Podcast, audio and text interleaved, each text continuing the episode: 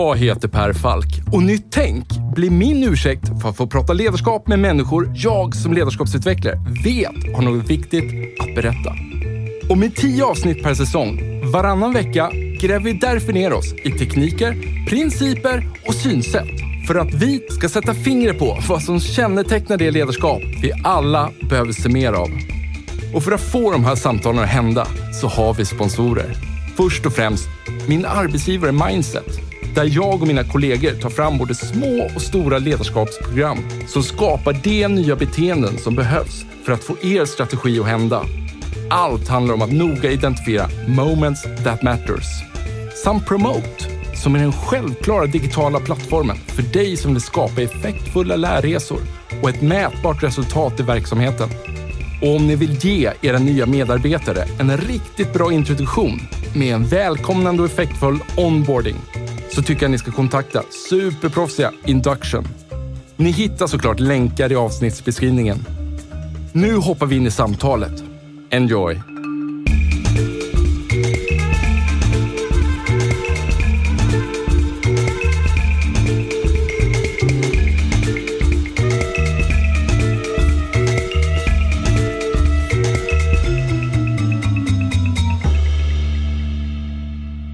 Seriöst, alltså, behöver verkligen lägga tid på att sitta och prata om engagemang i ett poddavsnitt. Jag, jag kan liksom bara känna att det, är, det känns som en så fruktansvärt tråkigt och tröttsamt område att sitta och, och, och traggla. Och kan liksom folk inte bara få gå till jobbet och, och, och jobba? Jag menar, man får ju lön ändå. Jo, det är klart de kan få gå till jobbet och jobba och det är ju det många gör. Eh, och så kan man ju då göra det lite mer lustfyllt, att man går till jobbet för att man vill, inte bara för att man måste. Så blir ju livet lite härligare, skulle jag vilja påstå. Ja, ja. Går det att förändra en engagemangsnivå? Definitivt. Eh, och man kan ju både prata om engagemangs och, motivationsnivå. Engagemanget är ju mer den, det är ett bredare begrepp. Min känsla för min arbetsgivare, vårt varumärke, våra kunder, intressenter. Medan motivation är ett mycket snävare begrepp som handlar om den mängd och kvalitet på den drivkraft som jag har när jag utför en arbetsuppgift. Mm. Och båda kan man påverka väldigt, väldigt mycket. Det ser man väldigt tydligt i forskningen att det finns en väldigt klar logik och korrelation och dessutom en kausalitet i vissa fall då kring att utöva ett gott ledarskap innebär ju då att cheferna måste ha bra förutsättningar att inte bara vara duktiga chefer utan också duktiga ledare. Så kommer de genom sina beteenden påverka både engagemang och hur medarbetarna mår och hur de presterar, det vill säga vilken grad de uppnå sina mål. Och det borde ju alla vara intresserade av, tycker jag. Och om det är någon nu som mot förmodan inte vet vem du är, Johan, inte sett dina inlägg på LinkedIn. hur, hur, skulle du liksom lägga fram dig själv, presentera dig själv? Eh, jag heter Johan Bok, kommer från Malmö och har alltid i hela mitt liv varit väldigt, väldigt ointresserad av saker. Alltså så här, det var ju många av mina kompisar, de skulle plocka isär allt skit som man hade när man var liten för att se hur det fungerade.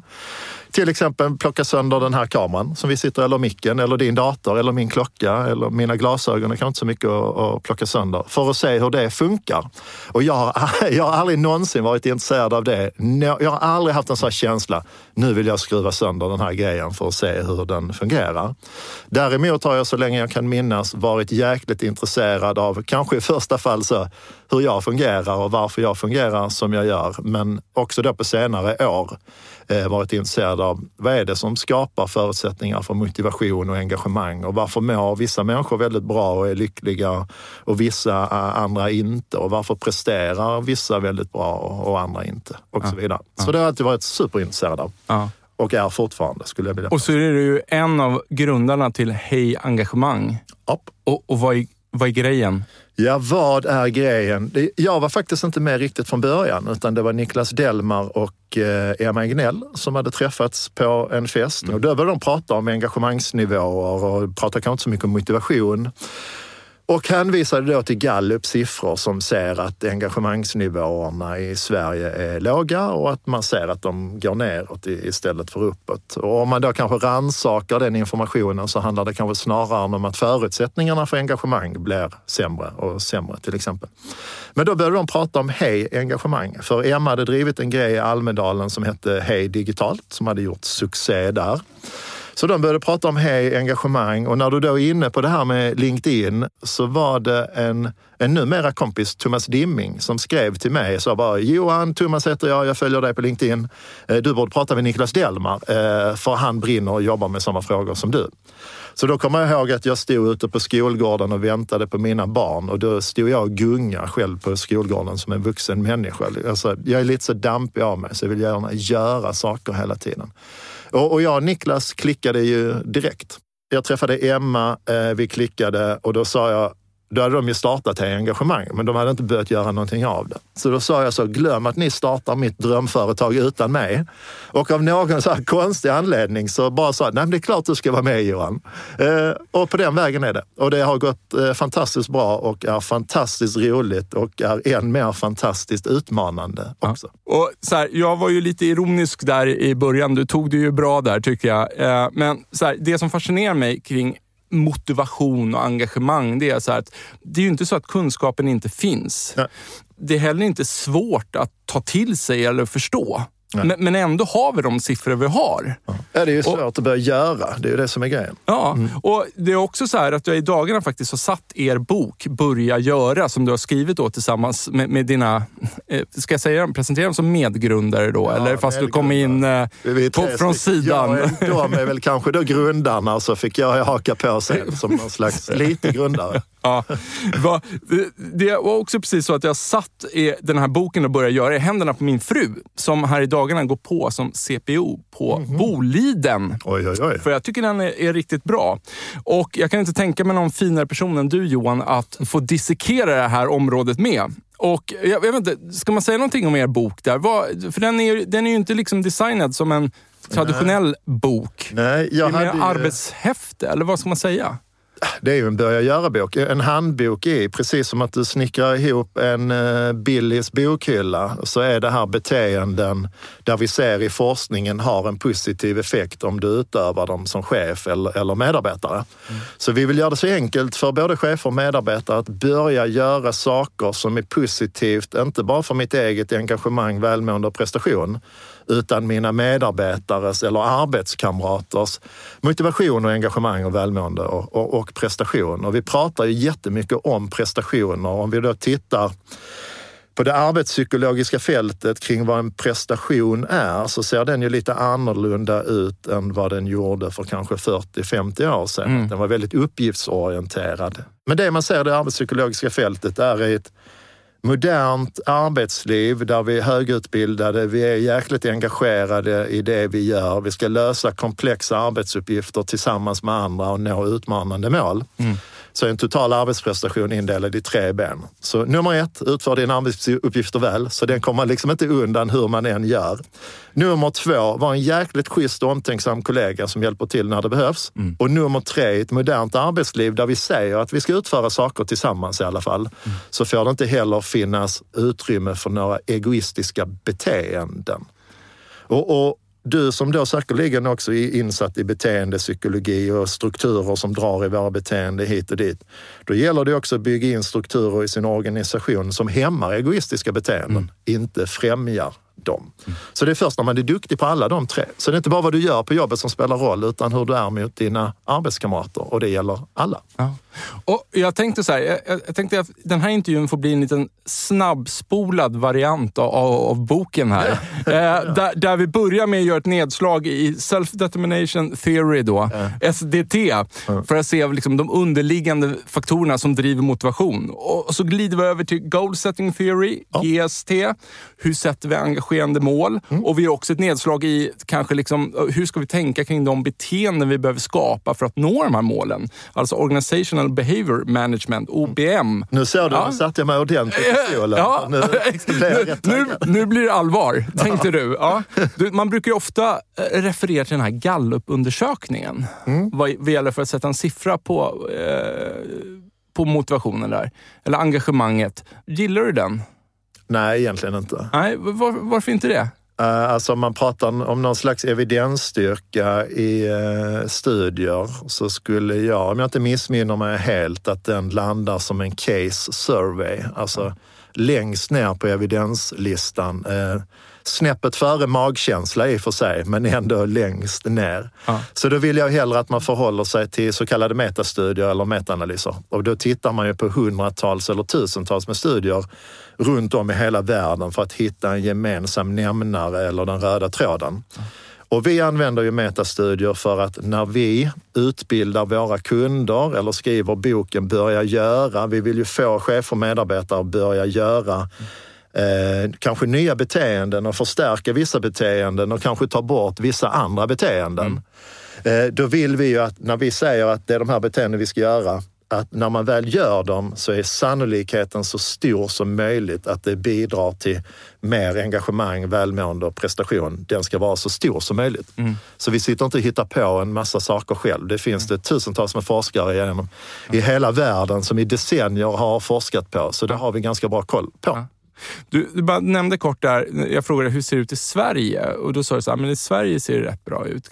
Kan du säga... Nej, jag skulle säga, om man tittar på siffrorna från Gallup så ser det ju inte speciellt bra ut. Nej, okej. Okay. Men, men, samtidigt så du gillar ju inte dem, så de tycker jag vi kan lägga åt... Då tycker ja, jag vi lägger Gallup åt ja. sidan helt enkelt. Och om man tittar i, i lite andra eh, större studier eh, så ser man ju att vi är supermotiverade på jobb. Alltså det ligger i vår natur att vilja prestera bra och utvecklas och så vidare. Mm. Men vi upplever att förutsättningarna inte främjar vårt engagemang och motivation utan snarare tvärtom. Och det här tror jag är den absolut största utmaningen som vi har i det framtida arbetslivet. För det kommer att vara fler och fler människor som jobbar med det de verkligen brinner för. Så de är superengagerade, de är supermotiverade.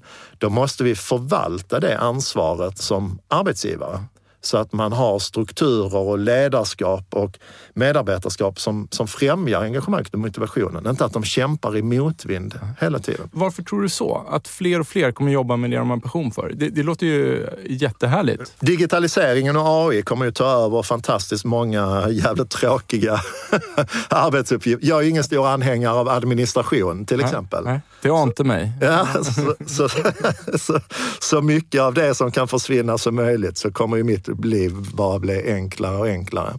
Ja. Men det innebär att vi kommer att göra mycket saker som kanske inte det klarar av. Vi är fler och fler som utbildar oss. Vi får mer och mer komplexa arbetsuppgifter. Och det ställer ju då också högre krav på att vi har bra förutsättningar att göra ett bra jobb. Så de komplexa arbetsuppgifter och beslut som vi behöver ta eller utföra idag mm. ställer ju mycket, mycket högre krav på våra kognitiva funktioner och vår bandbredd i hjärnan än vad det gjorde för 50 år sedan. Mm, mm. Så om man vill att vi både ska må och prestera bra över tid eh, så måste vi se till att de förutsättningarna finns på plats. Så det att förutsättningarna för att vi både ska må och prestera bra finns på plats där man arbetar. Mm.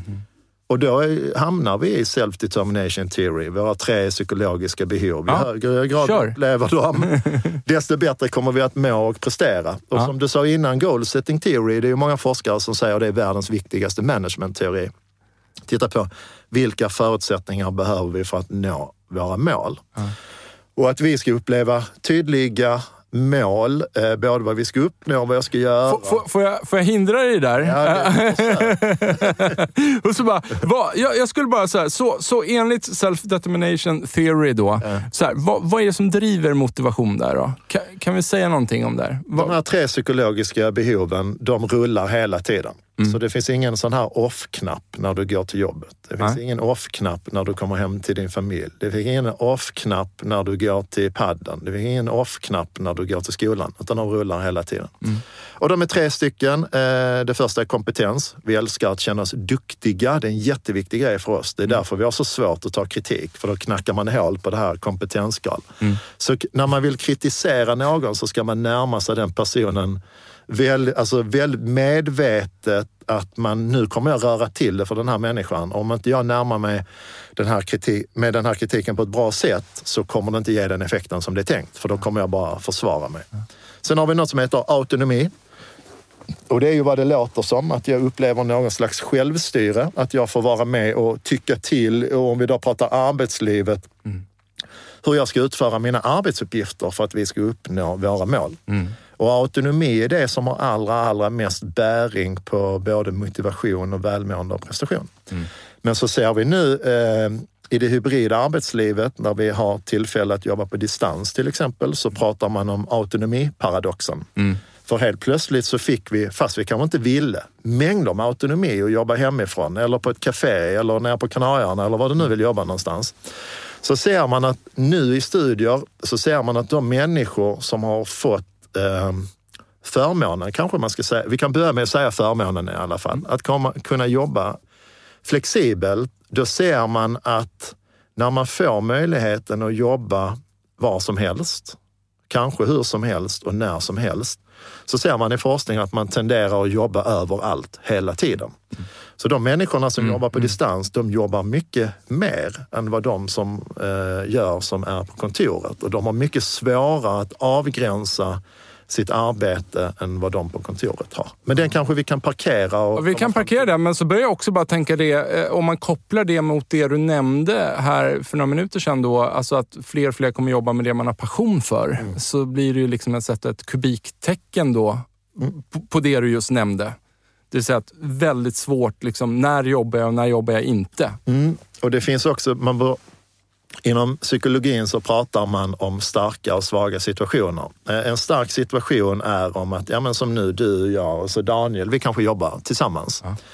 Vi är här på kontoret, vi jobbar alla mot samma mål. Vi gör kanske inte riktigt samma saker, men jag kommer hela tiden se och överhöra eh, vad ni gör. Mm.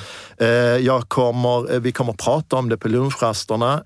Så det brukar man kalla en stark äh, situation. I en sån situation är det väldigt lätt att orientera sig. Mm. Det är väldigt naturligt för mig vad jag ska göra, vilka beslut jag ska ta, för de kommer studsa mot er och era beteenden hela tiden. Mm.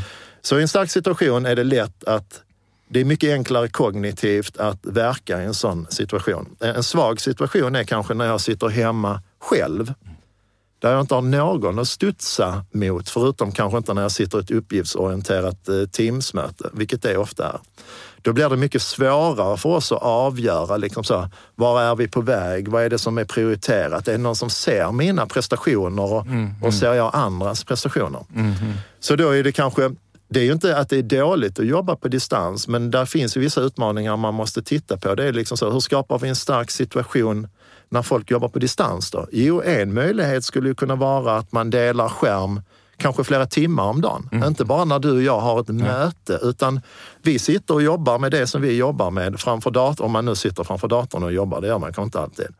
Och då kan vi bara slänga lite käft med varandra över det digitala skrivbordet mm. till exempel.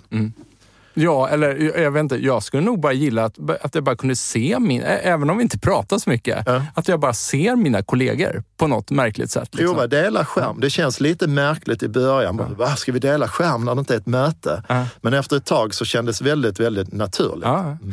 ja jag menar, jag är ju en, typisk kaféjobbare. Det vill säga så att jag vill ju, så här, allra helst vill jag sitta helt ostörd. Jag vill inte prata med mina kollegor. Jag, jag hårdrar det lite nu.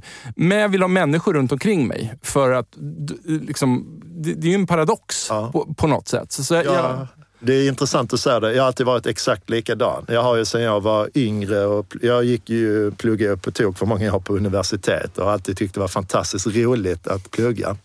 Och då satt jag alltid på café och de flesta människor är ju så bara, men hur kan du fokusera där? För, för mig är det perfekt. För om jag sitter hemma själv så känner jag ett som, som världens tråkigaste människa. Ja. Nummer två, jag älskar att se människor men jag behöver nödvändigtvis inte prata med ja, dem. Nej. Så om jag sitter på ett kontor, då vet jag ju också att det mesta som pratas om runt mig, i mitt team i alla fall, berör mig på ett eller annat sätt. Ja. Då är det ganska enkelt att jag kommer ur mitt flow. Men det här sorlet kan jag eh, uppleva som väldigt avslappnande. För jag vet, där är ingen som vill prata med mig. Nej, nej. nej och skulle man nog så komma fram till mig och tilltala mig så är det inte säkert att jag första gången skulle fatta att jag blir tilltalad. Nej. För att jag sitter så djupt koncentrerad i en bubbla. Men jag behöver det här sålet för att komma i den, liksom, det ja, modet. Du och jag är nog väldigt lika, ja. men det är inte alla som är det. Nej, nej. Mm. viktigt att, att framhålla. Du, jag tror så här, Kompetens, autonomi. Berörde vi den tredje? Nej. Nej, vad var det? Jag tänkte påminna dig. Det handlar om samhörighet. Ja. Man pratar mycket, mycket om psykologisk trygghet, att jag får lov att komma till jobbet och vara precis som den jag är. Ja. Det finns ett undantag, det är om man är en elak eller ohövlig rackare, för det ska man inte få lov att vara. Nej. Det finns något som heter bad apple-teorin och då ser man att det räcker man har ett så kallat bad apple i sitt team Mm. eh, så kommer det stinka väldigt, väldigt mycket och det kommer stinka än mer ju mer ömsesidigt beroende man har av varandra.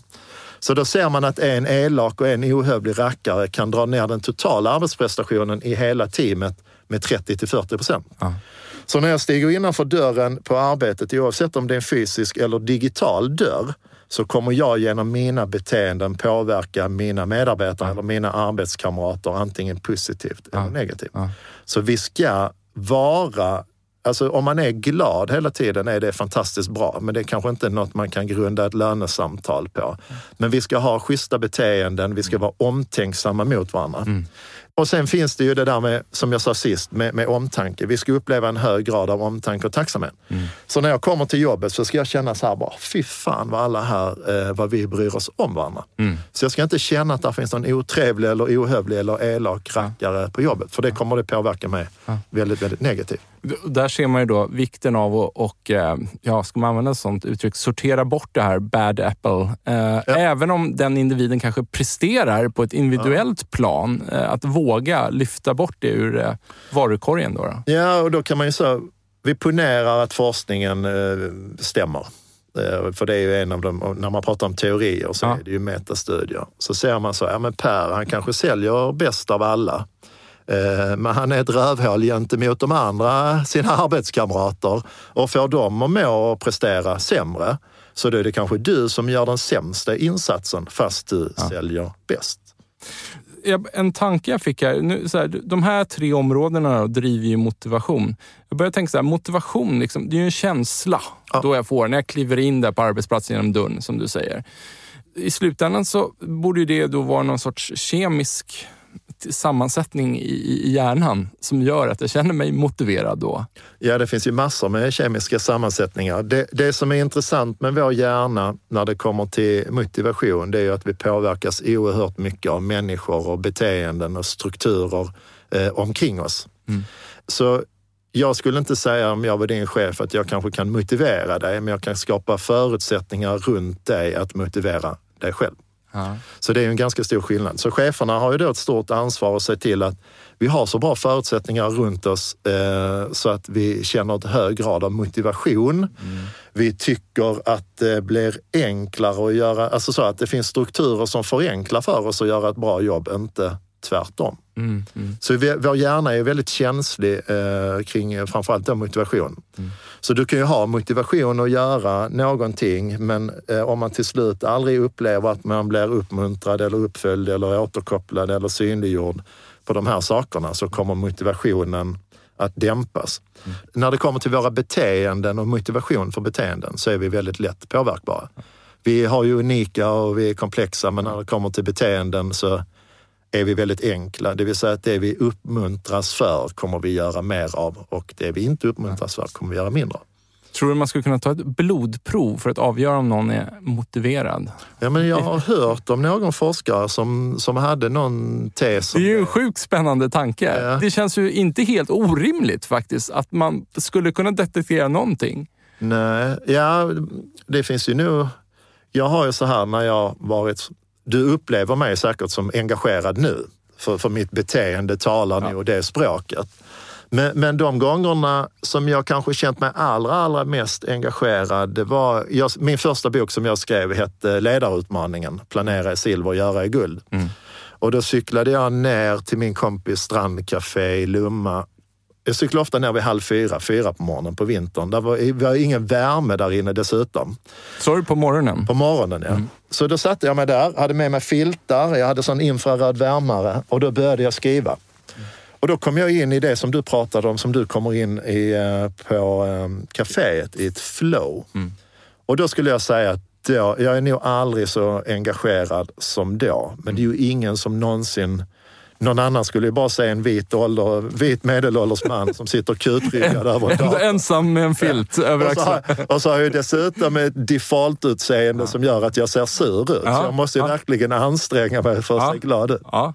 Ja, ja, Jag kan relatera eh, till just det du beskrev nu till 100 procent. Mm.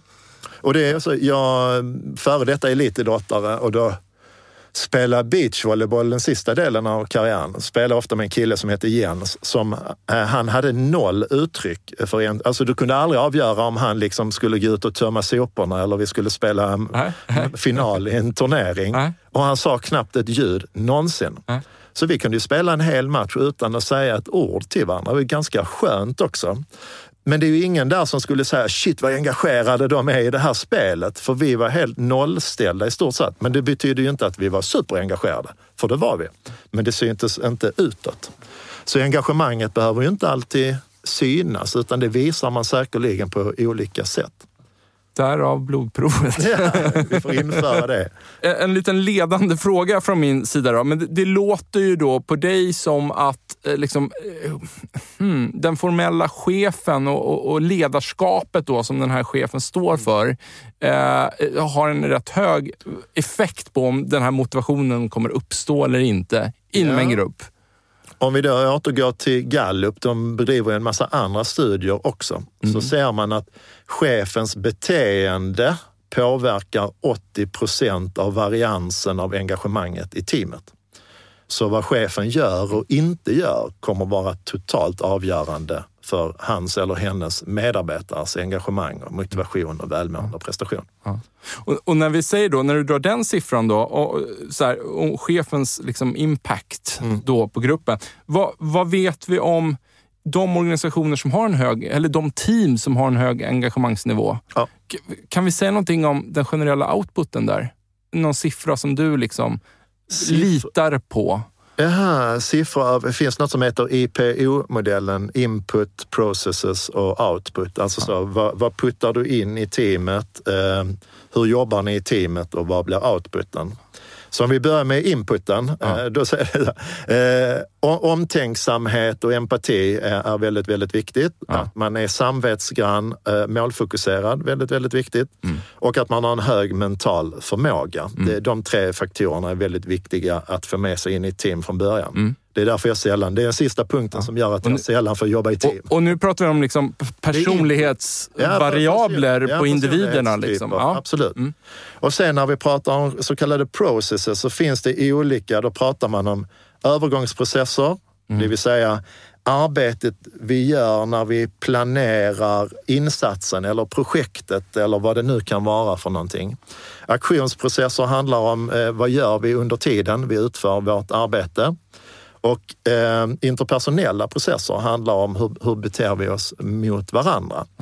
Så i ju högre grad man puttar in omtänksamma, samvetsgranna, målfokuserade människor med hög generell mental förmåga som ser till att man har tydliga mål.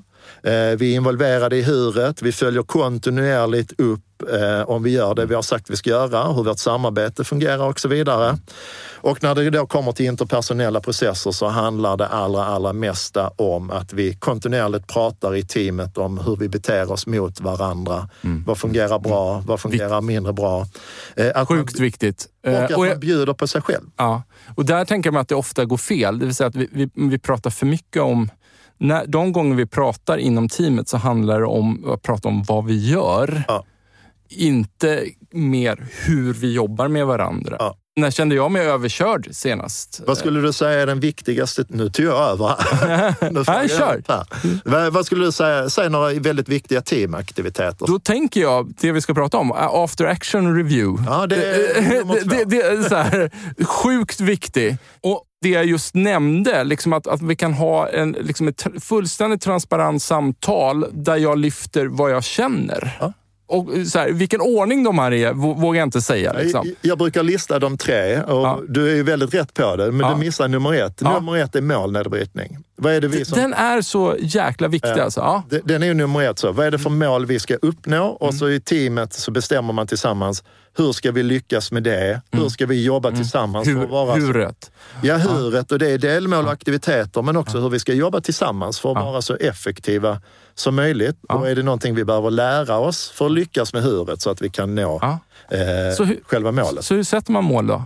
Ja, Goal setting theory. Ja, men, Here it comes. det börjar med resultatmål och det är nog de allra flesta organisationer vana vid. Sen ska man då våra hjärnor älskar ju kortsiktiga belöningar. Så vi har svårt för fluffiga mål som kanske heter finanser, effektivitet, eh, volymer, eh, index eller vad det kan lov att vara. För de ligger för långt bort. Så då måste man bryta ner dem till delmål och aktiviteter som jag kan påverka direkt. Och då börjar man med processmål och processmål handlar om hur ska vi i teamet arbeta tillsammans för att vara så effektiva som möjligt? Vad gör vi och vad gör vi inte? Love it. För jag vill verkligen betona, det, det, varför jag tar upp det här är att jag gillar de här tre olika typer av mål Ja. som alla behövs Absolut. för att nå målen helt enkelt. Sen kommer vi till prestationsmål och det är ju att vi bryter ner de övergripande målen i små godisbitar som heter delmål och aktiviteter. Ja. Så om vi säger att vi ska omsätta 10 miljoner så kanske man ska säga att, ja, men, eller 12 miljoner säger vi. Ja, Okej, ja, men då ska vi faktiskt omsätta en miljon i den månaden vi har framför oss. För Ja. det är mer greppbart. Vad är det då vi behöver göra för att lyckas med det? Vilka aktiviteter ska vi fokusera på för att göra det? Och sen då titta på lärmål. Vad är det Johan Bok behöver lära sig utveckla för att ha de bästa förutsättningarna att lyckas med de här delmålen och aktiviteterna så vi kan uppnå resultatet. Så att vara resultatfokuserad upplever jag är ett helt missförstått begrepp. Utan de som säger de är resultatfokuserade har bara fokus på slutresultatet. Medan jag säger att slutresultatet är ju bara en konsekvens av allt vi gör i organisationen. Så de som är resultatfokuserade på riktigt har ju enormt fokus på Gör vi det vi har sagt vi ska göra? Vad går bra? Vad går mindre bra? Hur engagerade och motiverade är vi? Upplever vi att vi har rätt förutsättningar i form av resurser och prioriteringar och mandat för att kunna göra ett bra jobb och så vidare?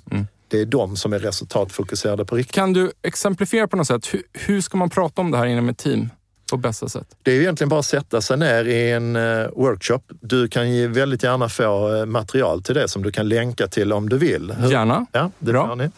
Eh, sätta sig ner, bara så här, det är det här vi ska uppnå. Känns det rimligt för det första? Eh, mål ska ju vara rejält utmanande, men om de känns orimliga, då kommer motivationen dö ganska snabbt. Så de ska vara utmanande, men realistiska. Så om man tittar i målforskningen och att du Per har tio målbilder, så ser man att du faktiskt bara ska lyckas med i snitt åtta av dem. Så du ska misslyckas nå två av dem. Mm. För att... För det är motiverande i sig att du känner att man, för då kan man stretcha målen Ja, lite. ja, ja. Eh, och, och då måste vi också bygga in i vår organisation att det är helt okej att ha en viss grad av misslyckande, för vi har stretchat målen lite, lite till. Så att ha fokus på huret i mycket högre utsträckning, eller framförallt kanske kunna säga ha fokus på huret, att det händer och att vi sen kan följa ut, eh, upp utfallet av det. Liksom. För om vi bara följer upp slutresultatet, då finns ju inga förklaringsfaktorer överhuvudtaget. Men om vi har brutit ner det i att det här är de absolut viktigaste delmålen och aktiviteterna och så följer vi upp det efterhand och så kommer vi upp, upptäcka att vissa saker lyckas vi väldigt bra med och vissa saker lyckas vi inte speciellt bra med. Då kan man titta liksom, ja men vi lyckades ju inte med den här grejen. Ja men då är det kanske inte så konstigt att vi inte sålde mer eller blev mer effektiva. Eller vad det nu kunde vara för någonting. Men det man ser i studier och undersökningar det är ju att de största bristerna i organisationer är ofta att chefer och medarbetare upplever en målotydlighet och när det kommer till kontinuerlig uppmuntran, uppföljning och återkoppling så är den ofta väldigt bristfällig. Så när man väl har gjort målnedbrytningen, man har satt resultatmål, man har kommit överens om hur ska vi jobba tillsammans för att vara så effektiva som möjligt. Vilka delmål och aktiviteter är det viktigaste vi lyckas med och vad behöver vi lära oss? Då har vi liksom vår framgångsplan, hur vi ska uppnå våra mål. Sen AAAR, After Action Reviews, ser man ju i metastudier förbättrar arbetsprestation med i snitt 25 procent. Sen kom det ut en ny metastudie nu för bara någon månad sen som, som, eh, där man då säger att nej, effekthemtagningen är nog ännu högre. Mm. Och då betyder det att man börjar kontinuerligt följa upp på både team och individnivå. Vi brukar rekommendera att man gör det en gång i månaden, både per team och individ som man då är chef över.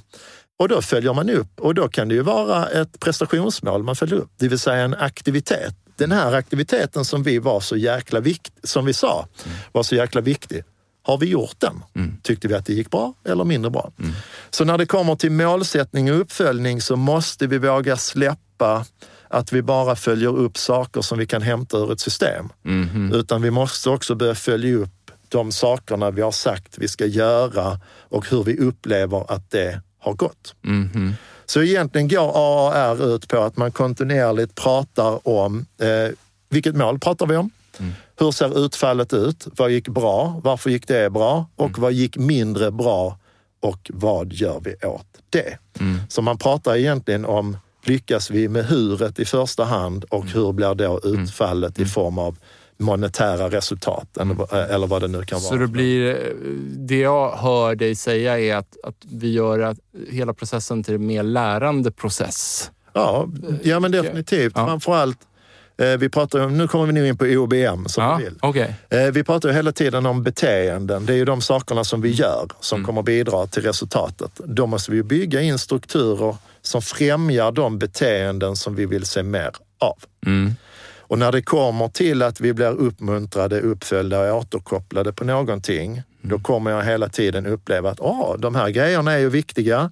Det är någon som ser mig, det är någon som uppmuntrar mm. mig, det är någon som följer upp mig och återkopplar och jag upplever en målprogress. Mm. Jag brukar ju säga att vi människor älskar förändring. Det brukar jag inleda många föreläsningar med. Och då känns det som att det alltid står någon VD eller hög chef längst ner i lokalen och tänker så här, vem är den här idioten Johan Bok som, som vi har dragit hit? Vi har det ju jättesvårt med förändringar. Men vi människor har superenkelt med förändringar utifrån två kriterier. Det vill säga om vi själva har kommit på vad vi måste förändra ja, och, vi, ja. och vi upplever en omedelbar nytta med det. Ja. Då har vi jätteenkelt för förändringar. Men det är ju ganska sällan det ser ut så i en organisation. Mm. Så då måste man bygga in beteendevetenskapliga kriterier som främjar att jag ska tycka det är en väldigt bra idé. Jag ska ha klart för mig vilka beteende och aktiviteter det är som jag ska utföra för att lyckas med det och att jag känner mig uppmuntrad, uppföljd och återkopplad. Mm. Så nummer ett, att jag upplever att det finns en tydlig attraktiv riktning, ett mål där borta som jag känner så här, shit vad jag vill vara med på den resan mot det målet. Mm. För det verkar vettigt och värdefullt, inte bara för min organisation och våra kunder och intressenter, mm. utan även för mig.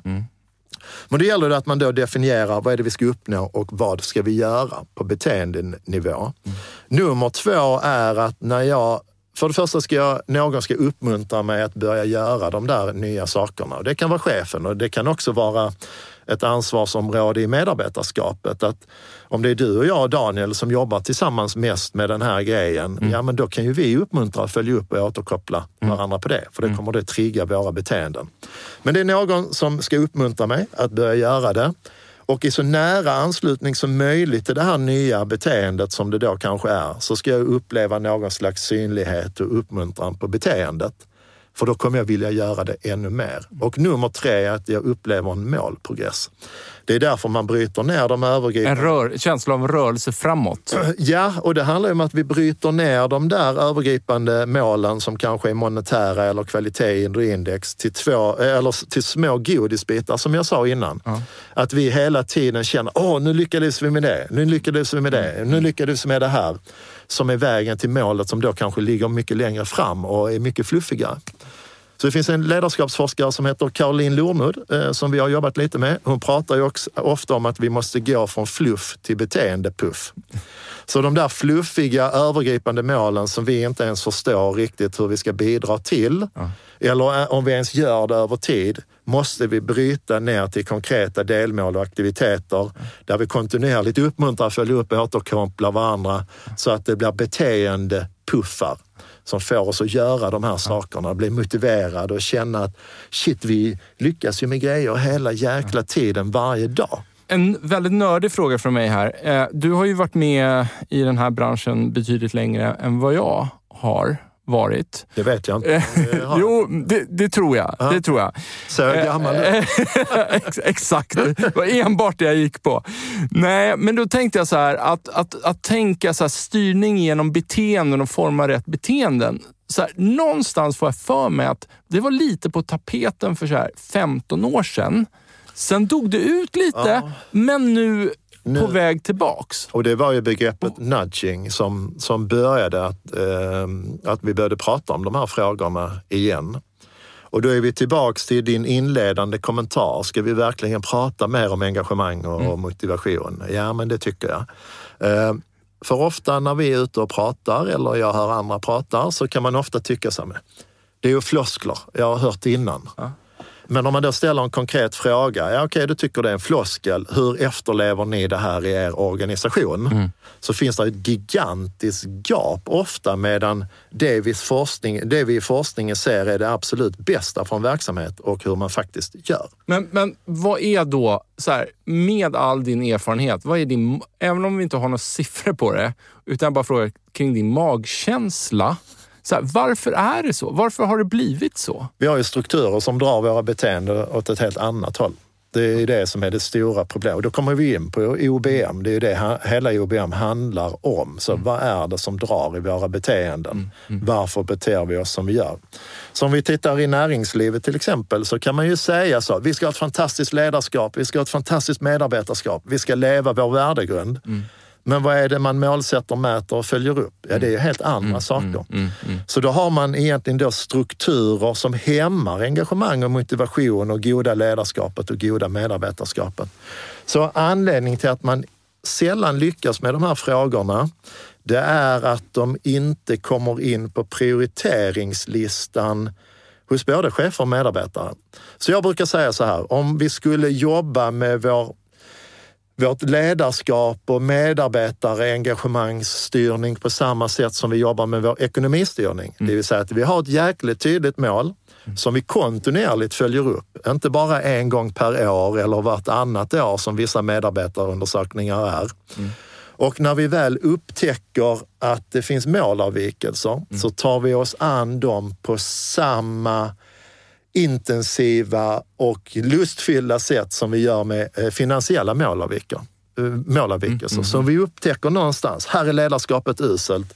Här verkar människor mm. må dåligt. Mm. Så hade vi haft eh, fantastiskt bra arbetsplatser mm. om det fick ta lika mycket mm. plats. Så det finns ingen konflikt i att jobba sätta hårda mål kring medarbetarengagemang och gott ledarskap, för det är de, det man ofta tror. Har du någon solskenshistoria kring någon transformering kring det här området? Det har jag definitivt. Eh, jag kan ta ett centrallager i Västerås. Ja. Eh, ICA, det är Västerås. För, för, för, att bara exemplifiera, att så här, det här är inte floskler. Liksom. Nej, alltså, det, det, det, det, går faktiskt att göra. Ja, det går faktiskt. Jag ska faktiskt, efter vi är klara här, ska jag ta kaffe med Tobias som är lagerchef på ICA, det är Västerås. Och i morse mässade jag med Mattias som var logistikchef ICA Sverige på den mm. tiden. Mm, mm. Eh, och det började med att Mattias ringde mig och sa att eh, du, jag har, eh, jag har följt dig på LinkedIn, så det var också LinkedIn och tycker du säger vettiga saker, kan inte du komma till oss och föreläsa? Och, och det som var så intressant, det var ju att de hade påbörjat en engagemangsresa som innebär att man tar ett högervarv, att man sätter strategier och mål, men man ser inte ihop dem i alla kanter utan mängder med människor får vara med och tycka till, det vill säga man har en bra involvering i det. Eh, efter det så ser man till att cheferna har fantastiskt bra förutsättningar att vara duktiga ledare. Mm. Så att de i sin tur kan skapa engagemang och samsyn och skapa goda, trygga relationer och skapa effektiva, välmående och högpresterande team. Mm så ploppar det ut ett mycket bättre resultat i slutändan. Men de flesta organisationer försöker ta genvägen att man sätter mål och strategier, man har sytt ihop dem i alla kanter och vrår, ingen får vara med och tycka till, det finns noll involvering och då blir inte engagemanget så högt heller. Så försöker man ta genvägen genom en omorganisation och, och till resultatet. Och ibland så ger det ett bra resultat, men allra, allra, eh, allt som oftast inte. Så det som var fräckt, det var ju hur de jobbade väldigt intensivt med eh, ledarskapet. Mm. De mätte, de följde upp, de tittade på strukturer. Mm. Vilka strukturer har vi nu i vår organisation som främjar att det här goda ledarskapet och höga medarbetarengagemanget faktiskt kommer eh, bli av? Mm. Ja, då måste man in och råda i dem och kanske ändra vad det är för saker man målsätter och följer upp och återkopplar och så vidare. Så Mattias införde en bokklubb i, ledningsgruppen, så då läste de en managementbok eh, varje kvartal, vilket var fantastiskt. Det hade de inte varit med om innan. Och efter varje kvartal så ägnade de ett helt ledningsgruppsmöte åt att prata om vad har vi läst? Vad tycker vi att vi kan testa av det här för att skapa än mer engagemang och, och motivation? Eh, så de gick från det lägsta, hela, eh, lägsta engagemanget i hela ICA-koncernen till det absolut högsta på ett år. Wow. Så 1400 medarbetare som upplever och känner och agerar på ett helt annat sätt efter ett år. Och det är ju bara egentligen att man ändrar förutsättningar runt människor i vad de känner och hur de mår och hur de presterar. Ja. Eh, sjuktalen minskade, svinnet minskade. De blev utsedda till Nordens bästa digitala arbetsplats, vilket ju är ju fantastiskt. Och vad var det de gjorde som lyckades med det? Jo, det var ju att de hela tiden utgick från medarbetarnas eh, behov. Så det var de som kom på hur man skulle innovera och utveckla verksamheten, mm. vilket ju är fantastiskt. I de flesta organisationer mm. finns en innovationsavdelning som ska komma mm. på allting. Mm. Och så ser man innovationsforskning ut och se till att åsikter kommer på plats och att vi, de får vara med och bestämma. För det ökar också genomförandekraften. Jag blir, jag blir eh, fantastisk historia, eller story. Och jag blev bara nyfiken på, precis när de drog igång det här då, så här, ja. de, de bara, hmm, det verkar som Johan, så här, han, han är något på spåren här och, och, vi, vi kan lita på honom och hade... vi börjar jobba med det här. Mm. Precis i början, hur adresserar de det här mot sin personal? Att så här, vi avser nu börja jobba med de här frågorna. Det... Och vad blev liksom mottagandet för det? Vet du något det? Ja, men de, de hade faktiskt börjat innan jag kom med på banan. Aha. Så det Mattias var så, Johan, jag vill bara du kommer, ska komma in emellanåt att bekräfta Aha. att vi är på rätt väg. Ja. Så jag har liksom varit i periferin. De riktiga hjältarna är ju Tobias och Mattias och hela gänget på ICA, det är Västerås. Ja. Men de hade något som hette gårdagens bästa, så när man jobbade i skiftteamen så jobbade man i samma team och så gick man på morgon eller eftermiddag eller kväll. Så då samlades man framför en tavla där man gick igenom vad har hänt föregående skift, vad ska hända i vårt skift, vad ska hända i nästa. Men då införde man någonting som hette gårdagens bästa. Så då skulle man ge någon av sina arbetskamrater beröm för mm. någonting bra som mm. de hade gjort förra gången. Och det landade ju inte tipptopp. Tobias, lagerchefen som är jävligt cool, han sa så nu när vi har börjat med någonting som vi är övertygade om kommer ge bäring framåt så kan vi inte ge upp direkt vid start. Klock, klockrent exempel. Det var något sånt där jag fiskade efter mm. som ett exempel på att så här, bara för att det blir lite skavigt i början ja, så, så betyder det, det betyder ingenting. Liksom. Nej, och de Våga gjort, hålla i. Ja, och ja. de har gjort en fantastisk resa och jobbar det här med målnedbrytningen och bryta ner till vilka är våra nyckelbeteenden och aktiviteter för att uppnå högre produktivitet och bättre kvalitet och bättre hälsa och så vidare. Sen är det det de följer upp hela tiden och publicerar i sina sociala medier. De har ett eget Instagramkonto där de varje dag lägger upp eh, medarbetare som har gjort bra grejer som ligger i linje med det som de har sagt de ska göra för att uppnå resultaten. Ja. Och, det som är coolt är ju att det fanns ingen konflikt i att jobba med ledarskap och medarbetarengagemang i tron om att ja, men då går kanske produktiviteten ner. Utan den har gått stadigt uppåt. Så ungefär efter två till tre år så hade produktiviteten ökat med 23 procent. Mm. Och det är ju jäkligt kul. 1400 anställda, de mår bättre, de presterar bättre. Så det är liksom, det är ju så treeggat, kan man säga det? Nej, det kan man nog inte. Men treenighet så här ur ett företagsperspektiv, eh, fantastiskt bra med 23 procent högre eh, produktivitet. Ur ett individuellt perspektiv så ser man att ju högre engagemang jag känner på jobbet, så kommer det eh, påverka min, min lycka och tillfredsställelse med livet i väldigt hög grad. Så inte nog med att man är mer nöjd eh, på jobbet, man är också mer nöjd med livet. Och i ett, då, i ett, eh, alltså, i ett ekonomiskt perspektiv för Sverige så är det ju fantastiskt mycket bättre med högre produktivitet och färre sjuktal, såklart. Så de är ju magiska, men både Mattias och Tobias, jag har alltid överraskat dem med beröm, för den där transformationen är det ganska få som mäktar med. Men de är ju så jäkla coola. De är ju två helt vanliga snubbar eh, med fötterna på jorden när man tittar på dem. Men de är ju superhjältar när det kommer till ledarskap och de är superhjältar när det kommer till att skapa strukturer och beteenden i en organisation som främjar engagemang och motivation och välmående och prestation.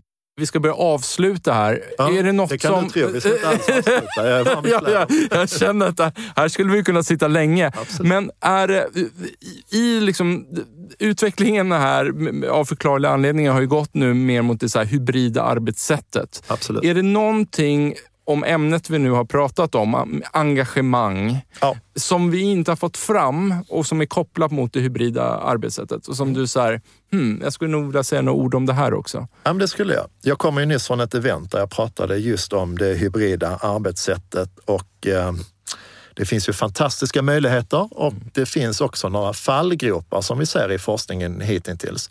Jag vill bara säga att jag är en fantastisk anhängare av hybridarbete och har själv jobbat i hybrid de senaste 17 åren, tror jag.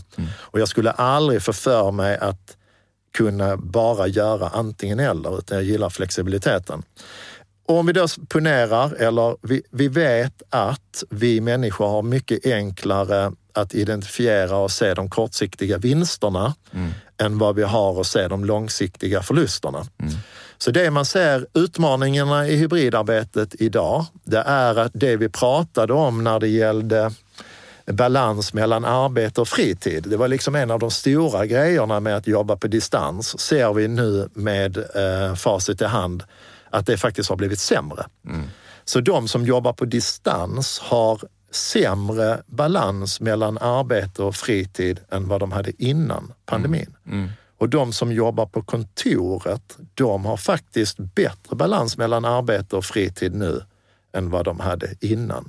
Men precis när pandemin kom, då tvingades vi ut i ett distansarbete. Inte alla, men en del.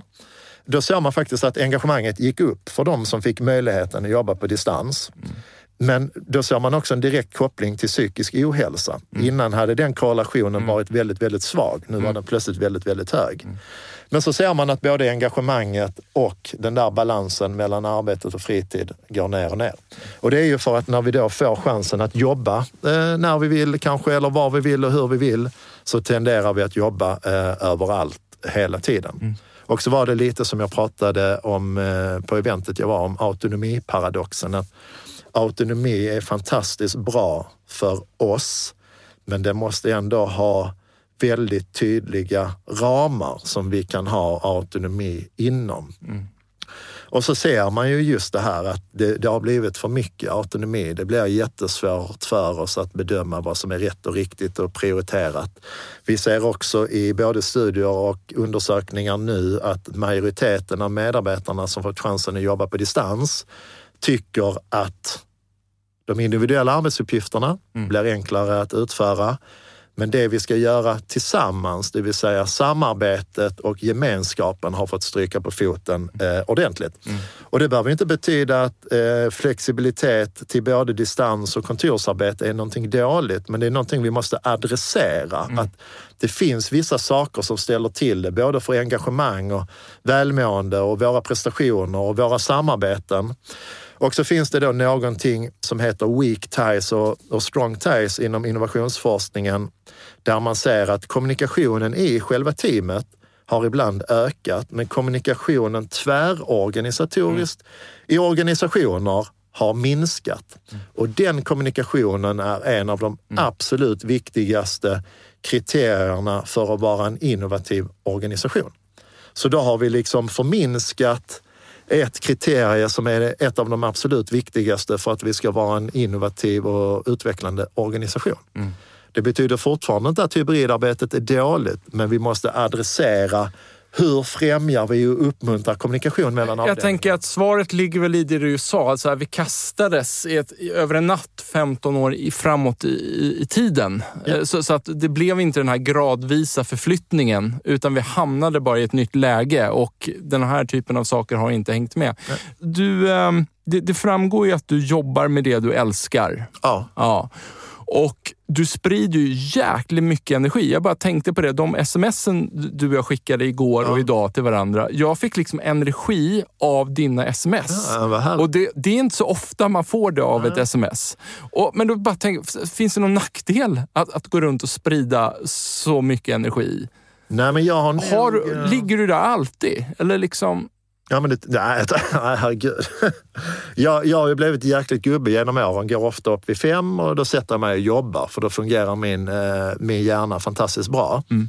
Men när klockan börjar bli tre, fyra så är jag ju liksom, då börjar jag bli lite trött och sen kan jag jobba upp energin igen. Men efter åtta på kvällen så är jag hyfsat så helst inte ta för många beslut och lite som när man sitter på kaféet. Jag har gärna människor runt omkring mig men Ja. jag har inte ett jättestort behov av, av att prata. Så det är definitivt inte alltid. Men jag har väl någonstans en, en grundsyn att det är bättre att vara trevlig och, och, och, och positiv än, Ja. än tvärtom. Du, har- du har aldrig jobbat för mycket?